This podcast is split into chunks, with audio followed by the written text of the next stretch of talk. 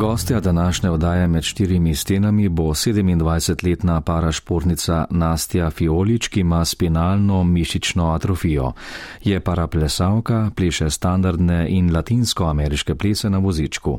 Po poklicu je diplomirana fotografinja, ukvarja se s fotografijo in videoprodukcijo, dejavna pa je tudi na socialnem omrežju. O paraplesu, ustvarjanju in invalidnosti se bo z Nastjo Fiolič pogovarjala Petra Medved. Spoštovane poslušalke, cenjeni poslušalci, lepo pozdravljeni. Naša današnja gostja je parašportnica, paraplesavka Nastja Fiolič. Dobr dan želim. Pozdravljeni. Nastja Fiolič, imate spinalno mišično atrofijo. Kakšna je ta bolezen in kako vas je zaznamovala v življenju? Ja, hvala za vprašanje. Tako bom rekla, ta bolezen je zelo različna. Vsak posameznik ima neke drugačne, drugačno obliko.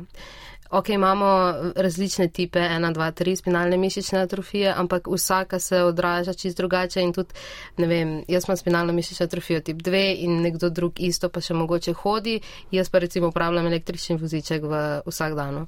Zaznamovala me je tako, da kako ne spoh temu reče, veliko ljudi mi reče, joj, pa ne moreš hoditi, ne? ampak jaz nisem v bistvu nikoli hodila, tako da ne vem zares, kaj mi manjka in sem pač življenje prilagodila temu oziroma se je življenje prilagodilo meni. Tako da, nač, pač na mesta hodim, se vozim. Kako pa je zdravljenjem te bolezni? Uh, ja, zdaj ne vem, koliko časa nazaj je prišla ven spinraza. Vsi vejo s to sago, ki je bila s krisom in tako, ne, ki je zbirala cela Slovenija. Jaz je še ne prejemam, zaradi tega, ker mi morajo še potrditi eh, še enkrat to diagnozo, se pravi, moraš še enkrat vse te teste in tako, da potem ti to lahko aplicirajo. Ampak zdaj sem slišala, da zelo napreduje in da bojo tudi kmalo tablete, če že niso v Sloveniji, ne vem. Ampak tako, da se odvijajo stvari, sam je pa res, da to mogoče tako mal pripomore k temu, da nekdo, ki recimo uporablja dihalni aparat, po uporabi tega zdravila, ga potem uporablja manj, kukar ga bi sicerno. Tako. Na invalidskem vozičku ste že od rojstva, ste rekli? Ja, tako. Obiskovali ste običajno osnovno šolo. Ja. In srednjo šolo v novem mestu. Ste imeli kaj težav z dostopnostjo? Zdaj za osnovno šolo pa srednjo ravno ne. Bila sem tudi v vrtu, v normalnem programu, no, kako bi temu rekla, ampak že takrat so se moji starši zelo borili za to, da me niso dali v te posebne programe, ne? ker ne vem, jaz prihajam iz Brežic in tam so zelo forsirali, da bi se pa mene dali v neke posebne, prilagojene stvari in tako, ampak moji starši so rekli, pa če znaš na nas, ni nič narobe, ona ni prizadeta, ona je samo na vozičku, ne. Tako da so pol ustrajali pri tem in tudi Jaz takrat nisem sploh vedela, meni je bilo vse, ne, kam grem, vrtec, osnovno šolo, ne. Pa pa v bistvu, ko gledam za nazaj, pa to je edina stvar, ki me je pripeljala do tega, da sem zdaj to, kar sem. Ampak glede dostopnosti, v osnovni šoli smo imeli malo težav na začetku, potem so tudi dvigalo naredili, ampak to je trajalo leta in leta, pa klančino pred šolo in tako. Ampak zdaj, hvala Bogu, je ta osnovna šola prilagojena. Kaj pa srednja šola v novem mestu? Ja, srednja šola, novo mesto, ekonomska šola. Takrat je bil ta bivši ravnatelj, ki je zelo mi šel nasprotno. On je rekel, če ti karkoli rabiš, ti povej. S tem, da so že oni po defaultu imeli dostop narejen tako in sanitarije in dvigalo in v zadnji je bil vhod, eh, da sem lahko z vozičkom normalno dostopala, tako da to je bilo ok. Ne. Prve težave so se nekako pojavljale potem na faksu. Eno leto ste študirali na Akademiji za likovno umetnost, pa vendar ste se temu študiju odrekli ravno zaradi nedostopnosti. Ja, mislim, eden glavnih razlogov je bil sigurno to, da je bilo ogromno stopnic. Zdaj, če sam povem eno anegdoto, preden sem jaz sploh se upisala na ta faks, smo imeli spremne izpite in tako. In jaz sem na sprejemcu, ker sem prišla v drugi krok, ker to so bili krogi, ne, so me vprašali ne o mojih delih, oni so me vprašali, kaj boste pa vi naredila, če boste sprejeta, kako boste premagovala te stopnice. In meni je bil to šok, ne? ker itak se pripravlja za to, da zagovarja svoje dela, svoje stvari, pa pa te vprašajo nekaj, kar v bistvu je njihov problem. Ne? Takrat sem pa še rekla, da prvo moram biti sprejeta, pa bom pa naprej razmišljala, ampak hvala Bogu, no, sem bila sprejeta, če druga ne sem dobila izkušnje. In pa sem se nekako s šolci pokonektala, da so me oni nesel gorno, pa hišnik. Tako da to je bilo, meni je bilo, jaz se prav spomnim, meni je bilo to muka. Pa ne zaradi nošenja, ampak ker tudi redko, ker profesor mi je šel nasproti, da je rekel, ne vem, bomo predstavili v nižja nadstropja predavanja ali pa kakorkoli. Eni so bili pač, to je vaš problem, vi ste tle in to je to. Sošolci ste ste dobro razumeli. Uh, ja, sošolci. Pa tako bom rekla, no, akademiki sami po sebi so malo posebni, vsi smo malo posebni, tako da sem se ponovadi s tistimi, ki sem se najbolj zaštekala, um, so potem ali upustili akademijo ali pa ne vem. Ampak potem sem se pa naprej prepisala na visoko šolo za fotografijo. Tam sem imela pa res dobre sošolce, prav tako je bilo nedostopno, ampak je bilo veliko lažje, ker mi je tudi sama ustanova mi šla nasproti, no, so se prilagodili, da so iz višjih nadstropi dal v nižja predavanja in tako. Je pa res, da vsakič, ko sem prišla, sem se presedla na navaden voziček, pol so me pa pač dva ali pa tri sošolce desel gor in pol spet dol in tako. Koliko ustanov, trgovin in drugih objektov je res dostopnih za osebe na invalidskem vozičku? Vi ste tudi to preverjali v nekem projektu. Kje ste naleteli na težave in kje so vas pozitivno presenetili? Zdaj, prva stvar, ki mi je prišla na misel, ki ste mi omenili, je bila ta Trubarjeva. Ker smo šli uh, v bistvu s nemalcem, smo šla po celi Trubarjevi pregledati, koliko je dejansko teh trgovin dostopnih in tega. In moram reči, da mislim, da so bile dve ali tri od cele Trubarjeve, ker so takrat prenavljali to in smo mi hoteli upozoriti, da če že prenavljajo, da bi bilo pa fajn, da pa še kje kaj dogradijo, kakšno klančino ali pa kaj. Trgovine same po sebi ok, te nakupovalni centri itak so dostopni in vse občine in to more biti zdaj že po zakonu. Ampak, če pa gledam Ljubljano, pa star del, to je pa vse na stopničke. V bistvu nikamor z električnim vozičkom zares ne moreš prideti. Ne? Tu pa tam se najde kakšen, da ima tako homemade rampico narejeno, ne pa da lahko vstopiš, ampak tega je tako mal, da se pač mora še naprej spodbujati, da bodo naredili nekaj na tem. Ne. Kako je pa na podeželju, kakšne izkušnje imate tam? Iskreno, dokaj slabe. Pač, ok, jaz, kot sem že rekla, sem iz Brežic, tam se sicer prenavljajo zadeve, ampak zdaj več spoh ne vem, ker tukaj sem neupeta v Brežice, ker grem domov, grem pač domov in sem pač z domačimi, ne, ne hodim zdaj uh, okrog po Brežicah, pa tako, ker sem iz vasi. Ampak ja, mislim, govorijo o dostopnosti, ne? kar pa zdaj še ne pomeni, če ima center Ljubljane lepo zrihtan, da je pa tudi druge. Vi se še predobro spomnite izkušnje, eh, kako je bilo, ko ste se peljali z vlakom iz Ljubljane v Koper in sicer so vas dali v prostor za kolesa. To je bilo nekako pred štirimi leti. Se je kaj spremenilo glede dostopnosti vlakov od takrat? Ja, ta vožnja me je kar zaznamovala, ker me vsi vidijo kot tisto, ki je šla na vlak za Koper in uh, ni šla pol nazaj več, ker sem šla s svojim provozom. Ja, slovenske železnice se premikajo, zdaj so tudi kupili te neke nove vlake, ki jih sicer še nisem sprobala, ampak tirnice pa to pa ne vem. Kdaj bojo uredili, ker še zmeri je težava, če greš čez tire, ker tam je tako narejeno. Ti imaš na železniški postaji te dvižne ploščadi, in doskrat se zgodi, da ne delajo, oziroma da so prešvohne za električne vozičke in pol te morajo oni čez tirnice zapeljati. Ponovadi gre sta dva varnostnika s tabo in to je pač.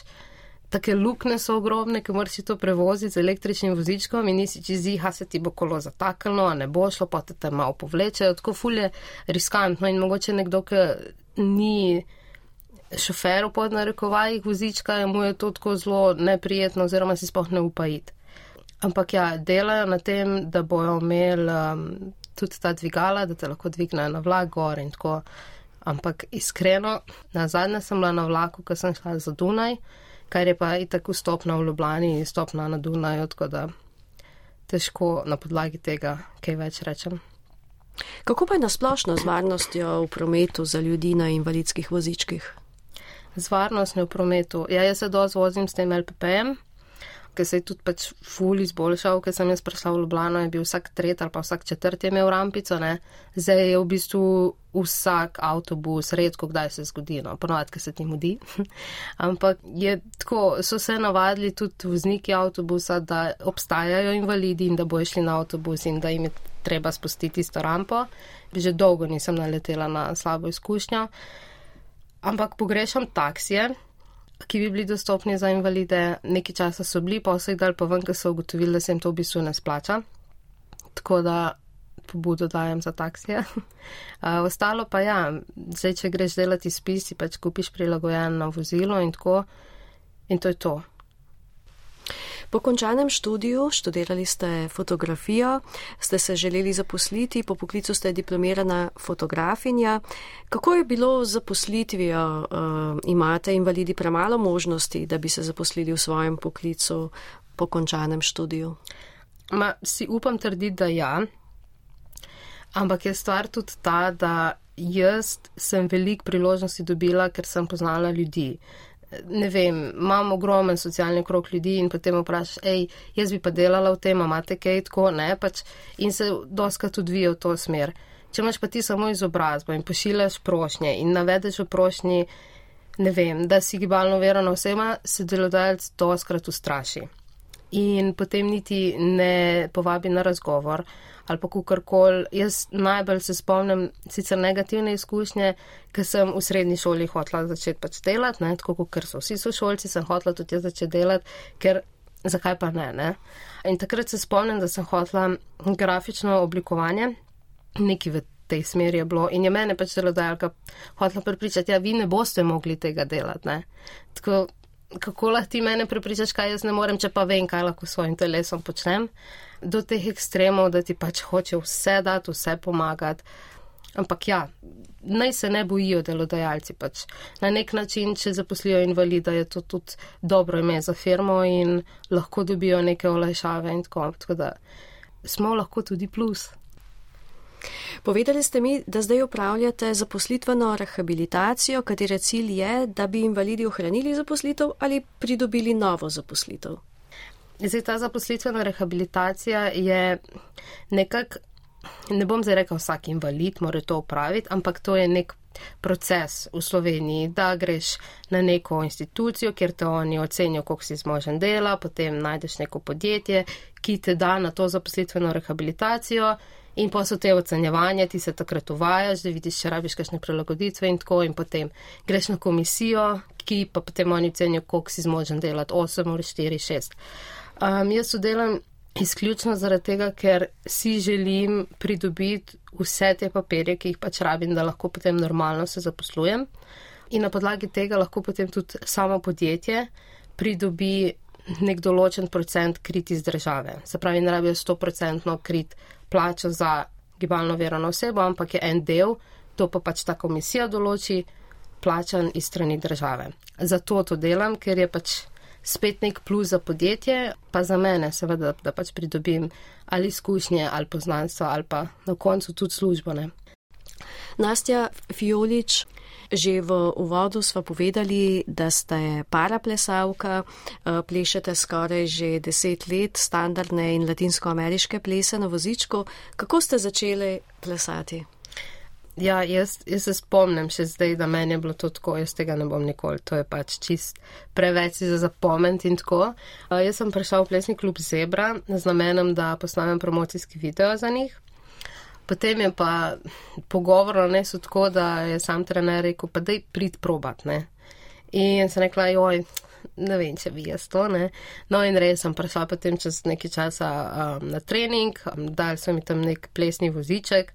In to je bilo vse tako sam hecno, ker ti, ko prideš na neke plesne val, pa neki se itak si tako, oj, pa kaj si bojo drugi mislili, itak zgledam zelo štorost, ampak dejstvo je, da se vsak ukvarja tam sam sabo in na koncu gotoviš, da je pač, kukar boš dal samo od sebe, to boš pač imel od treninga.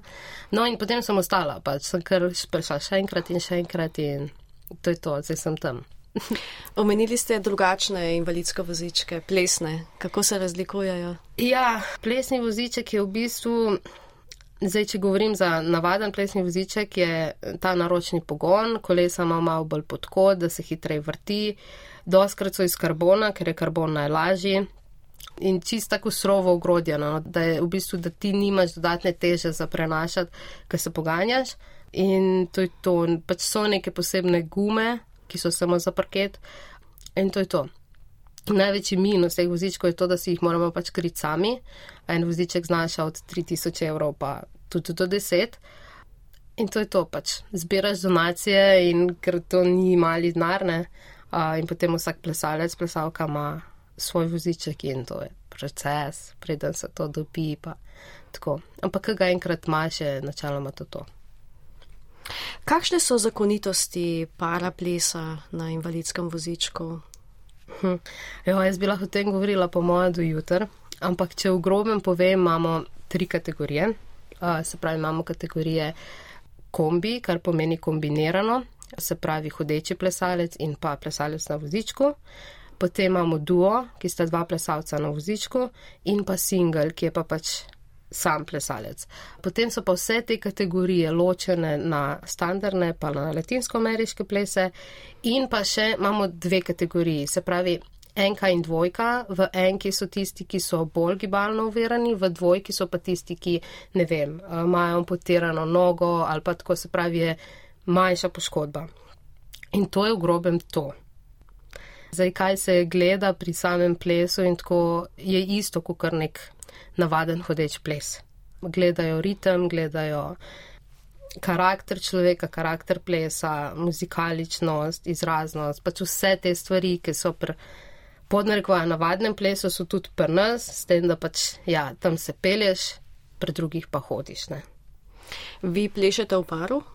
Sem plesala v paru, trenutno plešem single, ker sem se tako odločila, da je v bistvu najlažji, glede na vse stvari, ki jih imam uh, in v bistvu bolj kot ne to delam rekreativno, pa občasno tekmujem, ne profesionalno, ampak tako, bolj za dušo.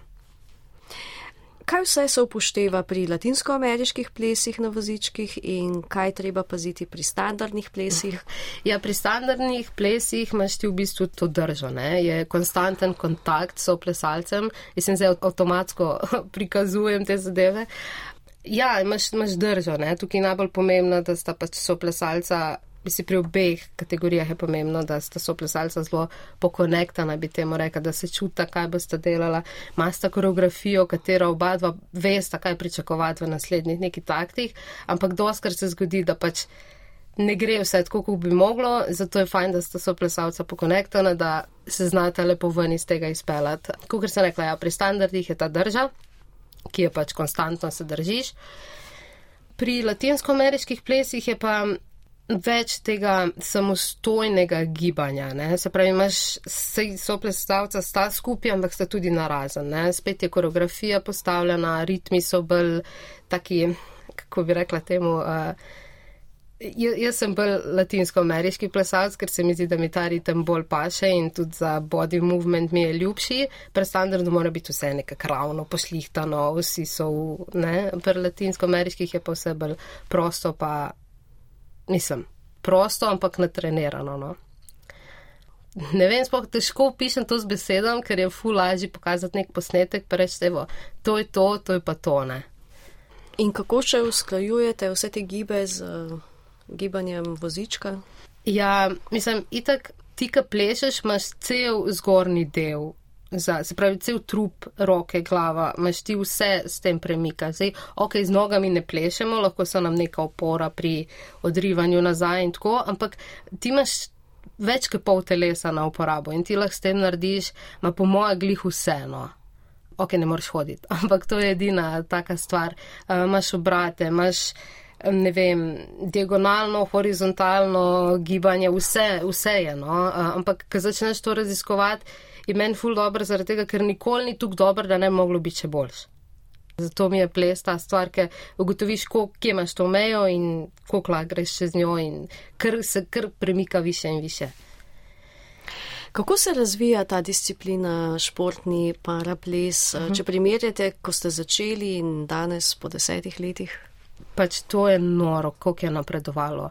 Plesalcev Na zadnje na svetovnem prvenstvu mislim, da jih je bilo okrog 160. Se pravi, to lahko rečem, da so samo nekako najboljši iz celega sveta. Verjamem, da je še kje kdo, ki pač ni odkril to, ampak ja, razvija se pa neverjetno, zaradi tega, ker se tudi sami vozički razvijajo, so hitrejši, so lažji.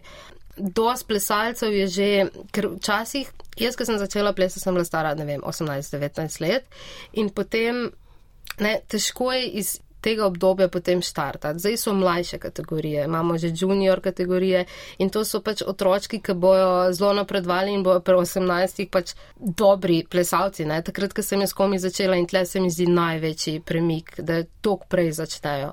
Tudi tekmovanja so ful bolj kvalitetna, na višjem nivoju. Um, prav tako plesalci na vozički, kot hodeči, ne? ker včasih so hodeči bili tako. Ni bilo toliko podarka na njih, pa tako zdaj se mi pa zdi, da se dejansko gleda celoto in Velikrat v Sloveniji se zgodi, da standardaši ali pa latinskoameriški plesalci eh, gledajo na paraples v smislu, joj, to je bolj tako za hobi, ampak po pa hitro gotovijo, da v bistvu je enako količina treningov, enak trud daš v to. Koliko časa trenirate? Zdaj, v grobi imamo dva treninga na teden, v ponedeljkih pa ob sredah po dve uri, ampak pa so pa še individualni treningi pred tekmami, je, ne vem, imamo kakšne vikend priprave, potem so razdeljeni treningi čez cel dan in tako. Tako da, ja, po mojem lahko rečem, ne vem, jaz grem ene trikrat na teden v dvorano, pa to delam ljubiteljsko. Tako da tisti, ki pa se s tem res ukvarjajo, pa mislim, da so kar vsak dan tam. No. Ko ste tekmovali, kako je bilo pa takrat? Ja, takrat je bilo ful več. Ne? Takrat sem tudi študirala in moram reči, da sem velikrat pustila faks za to, da sem šla na trening ampak ja, je bilo več ali manj vsak dan ali pa vsak drug dan. Jaz sem si želela trenirati ful več, ampak enostavno zaradi diagnoze, ki jo imam, to nisem mogla, ker sem rabila enako mero počitka, kot kar treninga. In to, ker greš to delati, pa planirati, je v bistvu vse podrediš temu, da lahko takrat greš trenirati, pa da si na tekmi res na 100%. Ne. Kako vas je vaša bolezen uverala pri paraplesu? Ma najbolj me uvira to še zmeri, ker jaz imam spinalno mišično atrofijo. To nekako v grobem rečeno pomeni to, da jaz lahko dvignem roki gor. Ampak to lahko naredim, ne vem, štirikrat, ne pa petnajstkrat.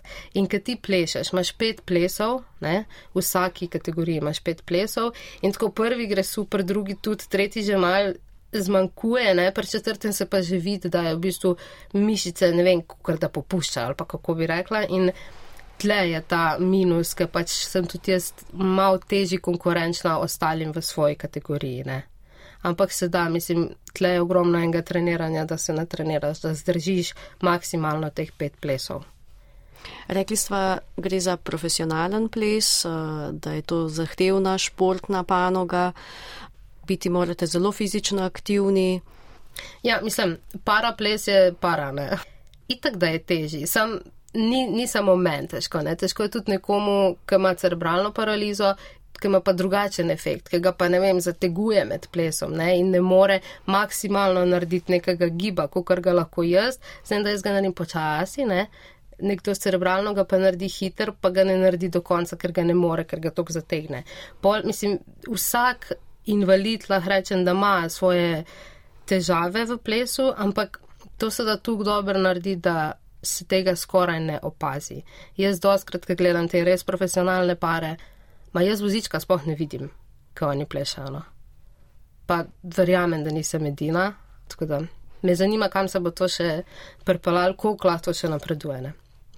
Pa se upošteva bolezensko stanje? Ne, mislim, jaz spadam v kategorijo ena, se pravi, imam višjo poškodbo, mislim, težje vrste poškodbe, ne poškodbe, ampak vrste invalidnosti. In jaz padam v enko. In njih na parketu sodnik ne bo gledal, aha, naj se ima pa spinalno mišično atrofijo, ne bomo gledali to, da je počasna. Ne, oni bojo gledali tam še zmeri celoto. Tam bojo gledali, ok, imajo deset plesalcev na parketu, kdo je najboljši, kdo je najhitrejši, kdo naredi največ. To, ne? ne bojo oni zdaj šli gledati diagnoze pa tega, ker ne vem, to bi bilo kar zakomplicirano, po mojem. Morda izpostavite svoje najboljše rezultate? Najboljše rezultate. Zdaj ne vem, kje leto je bilo. Mislim, da je bilo 2018 Evropsko prvenstvo, um, drugo mesto v duo latinsko-ameriških plesih. To je bil res dober uspeh, ker nismo pričakovali. Uh -huh. Mhm. Kje je bilo to? Mislim, da je bila Poljska, Lumjanki, ja. Kaj vam je dal ples? Kaj mi je dal ples?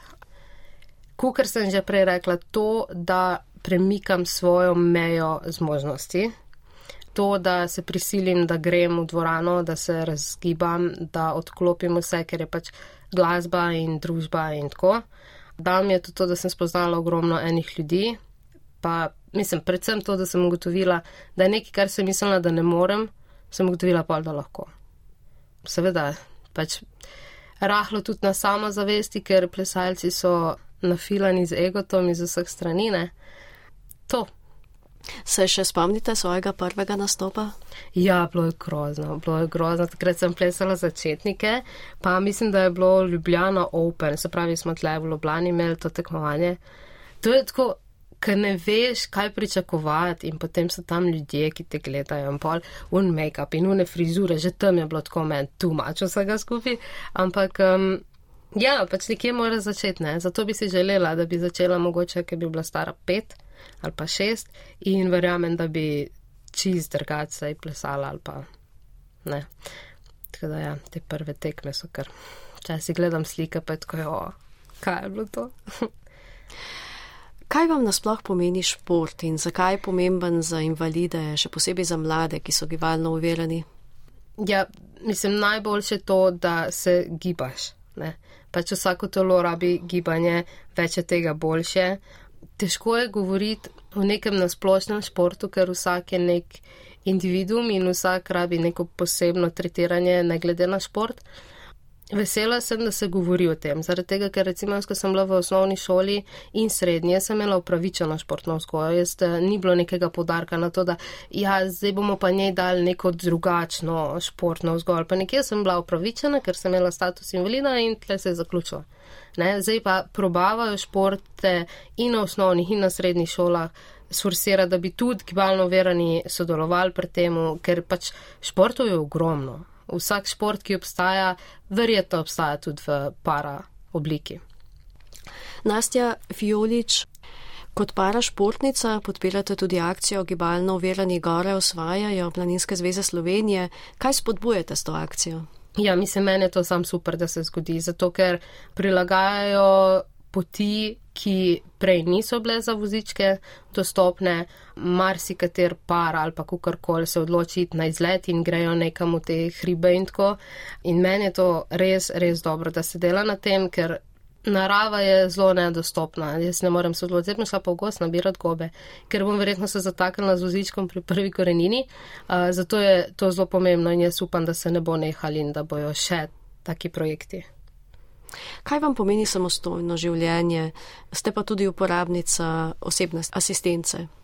Ja, sem uporabnica že v bistvu od samega začetka. Ja, pomeni mi to, da sem lahko bolj svobodna, da če si jaz nekam zaželim iti, da ne rabim skrbeti, oj, a bo kdo, ki mi bo pomagal, ampak enostavno rečem moji asistentki, hej, gremo tja pa tja in pač sem mirna glede tega lahko ne. In tudi seveda v vsakdanjih upravilih in tako je veliko lažje, da imam v bistvu potem čas zase ker mogoče kakšno stvar jaz lahko naredim, pa full le traja, ampak asistentka to naredi v treh minutah in potem se s naravim s tem ukvarjate na uro, recimo. Tako da, ja, hvala Bogu, ta zakon obstaja. Nastja Fiolič, ukvarjate se s fotografijo. Eh, kaj e, najraje fotografirate? Kakšne so vaše tematike? Ja, kaj najraje fotografiram? Zdaj tako, pač fotka sama po sebi je meni zelo dobro sredstvo izražanja. Najraje fotografiram ulično fotografijo, zaradi tega, ker mi je spontana, ker ni nekega pritiska pa tako. Zelo je tisti moment, moraš ujeti, zelo moraš imeti oko skozi um, naprežino. Drugače pa tudi kakšna studijska fotografija, pa to zdaj na zadnje sem imela fotografsko razstavo na Dunaju, Thank you Vienna je bilo naslov, ker um, sem se nekako, imela sem priložnost, razstavljala sem v nekem mladinskem centru, kar sploh ni pomembno, meni je bilo pomembno, da pač ta dela dam takrat ven, ker sem imela možnost in je bila tudi pač ulična fotografija. In ja, pač to delam, to izražam, ne. Se pravi, ja, ko, ko pač svoje dela delam, zelo hočem dati podarek na to, da ni nikjer zabeleženo, da sem invalidno, ker pač hočem, da ljudje to vidijo kot neka dela, ki so pač ustvarjena skozi neko fotografsko oko. In to potrditev sem na Dunaju dobila, kar se zgodi mogoče lažje, kot kar pri nas. Ful je bilo zanimanje, ker so bile fotografije tako obrnjene, da so lahko mimo idoči jih videli. In je bilo zelo zanimanja za nakup teh fotografij. Uh, nikjer pa ni bilo napisano Nastija Fiolič, invalidka, bla, bla, bla. Ne? In to je bilo tako, ok, pa sej moje fotke pa niso tako slabe. Ne? Pa daleč od tega, da bi bile slabe, sem. Ne, in skozi imaš nek občutek, da ne, si imel tako. Nastja Fiolič na družabnem omrežju, na svoji Facebook strani objavljate razne vloge, podkaste, zapise in tako upozarjate na to invalidsko problematiko. Čemu posvečate največ pozornosti? Ja, zdaj na tem uh, svojem Facebook pageu Nasty Wheels je nastajal vse skupaj iz nekega heca spet. Uh, jaz sem rekla, mislim heca, tako bom rekla. Začela sem s tem, da smo šli žurat ven in smo bili v enem izmed klubov in mene varnost jih ni spustil noter, ker je rekel, da je prevelika gužva in da oni ne bo odgovarjali, če se meni kaj zgodi. In meni je bilo to pač. Kaj? Ne, mislim, šli smo ven z družbo in tako, in pa sem začela razmišljati, jaz moram začeti opozarjati na neke stvari. In potem sem naredila en zapis in se je to fulšeral. In tako, in pa sem v bistvu čez čas ustvarila ta Facebook page, kjer sem gor potem dala tudi vloge, snemala samo sebe v stvari, ki jih pač počnem. Ali je to, da grem k zobozdravniku, v trgovino, si neki kuham, karkoli. In ljudem je bilo to všeč, ker je bilo prikazano na rahlo komičen način. Videli so, da pa spet ni tak tabu ali pa tok drugač, da bi pa rekli, oj, invalidi pa res imajo doma 26 robotov, da jim delajo stvari, ampak je pač nek normalno življenje, ki je pač sam prilagojeno. Potem sva čez čas začela z. Tilnom Ribnikarjem dela tudi uh, podcaste, Balkonjada, kjer pa tudi govoriva o razno raznih tematikah in je sam podcast, da ljudje lahko sam poslušajo, da ne rabijo gledati. Tako da ja, mislim, to počnem zaradi tega, ker želim premikati meje, ker vem, da se o tem ne govori in ker vem, da imam to moč in želim to delati za tiste, ki bojo še prišli za mano in bojo imeli podobne težave in se bojo mogoče znali poistovediti z mano in bo rekli, ok, če je ona, lahko tudi jaz. Tako da to je to. Kar mi gre pa doskrat na živce, je to, da mediji čist narobe interpretirajo si neko zgodbo, vzamejo nek del vloga, recimo ste preomenili slovenske železnice. Ne? Jaz sem takrat sama sebe posnela, ja, evo, jaz sem zdaj tle, ne? v zaporu sem se hecala. Ne?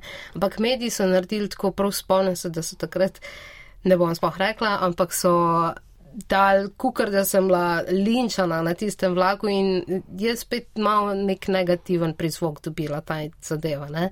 kar je bilo pa mišljeno čisto dobro namerno in sicer upozarjati na to, da ne moramo invalidi biti stacionirani na vagonu, kjer so kolesa. Ne? To je bila poanta, tako da to je mogoče nek največji minus. Nastja Fiolič, spreminjate poglede ljudi na svet? Jaz upam, da ja. Pa če ga spremenim samo dvema ali pa enemu, je to dost. Čemu posvečate največ časa v življenju? Največ časa. Trenutno službi. Drugač pa, ja, hočem, hočem delati te stvari, ko jih delam. So to vlogi, so podcasti, so to neke stvari, ki ponovadi je velik zabave pri snemanju in tako, ampak to so stvari, ki pa naredijo spremembo in zato sem tudi v bistvu danes tlene ker delam te stvari, ker želim rušiti tabuje in stereotipe in upam, da bom, da sem no že zdaj pripomogla vsaj mal. Nastja Fiolič, kako si želite, da bi ljudje gledali na vaše delo? Karkoli počnem, ali je to ples, ali je to snemanje, ali je to konc koncu fotografija, ker sem imela že nekaj uspešnih razstav. Želim, da ljudje vidijo moje delo kot delo človeka, ne kot neke invalidke, ki pa zraven še malo, ne vem, fotografira ali pa pleše. Tako da, ja, to, predvsem to, ampak je pa res, res težko družbi to dopovedati, ker ljudje niso navajeni in recimo, ko plešemo na domačih tleh, ko imamo državna prvenstva, jaz čutim neke aplauze ljudi, ki so tako, o, oni so pa na vozičku, pa plešejo, kako lepo. Sej ja, razumem, ampak mi veliko več delamo, kot malo plešemo tam. Tako da enkrat, ko bo to vidno, lahko rečem, da sem uspešna. Do takrat pa se mi zdi, da je preveč gledano na mene osebno, kot na nekoga, ki dela stvari ker je na vozičku. Mislim, zelo težko to opišem, no, ampak jaz upam, da bom enkrat. Zato sem tudi rekel, da na mojo naslednjo fotografsko razstavo sploh ne bom prišla, zato ker nočem, da ljudje vejo, kdo sem in želim dobiti kritiko, ne, brez tega, da ljudje pogojujejo moja dela z invalidnostjo. Nastja Fiolič, hvala vam, ker ste z nami delili svojo zgodbo. Želim vam še veliko plesnih uspehov in vse dobro v življenju. Hvala vam za vabilo in hvala, da počnete to, kar počnete. Hvala. Spoštovane poslušalke, cenjeni poslušalci, gostja odaje med štirimi stenami je bila paraplesavka Nastja Fiolič. Odajo sem pripravila in vodila Petra Medved, tehnična izvedba Max Pust. Lep in uspešen dan vam želimo.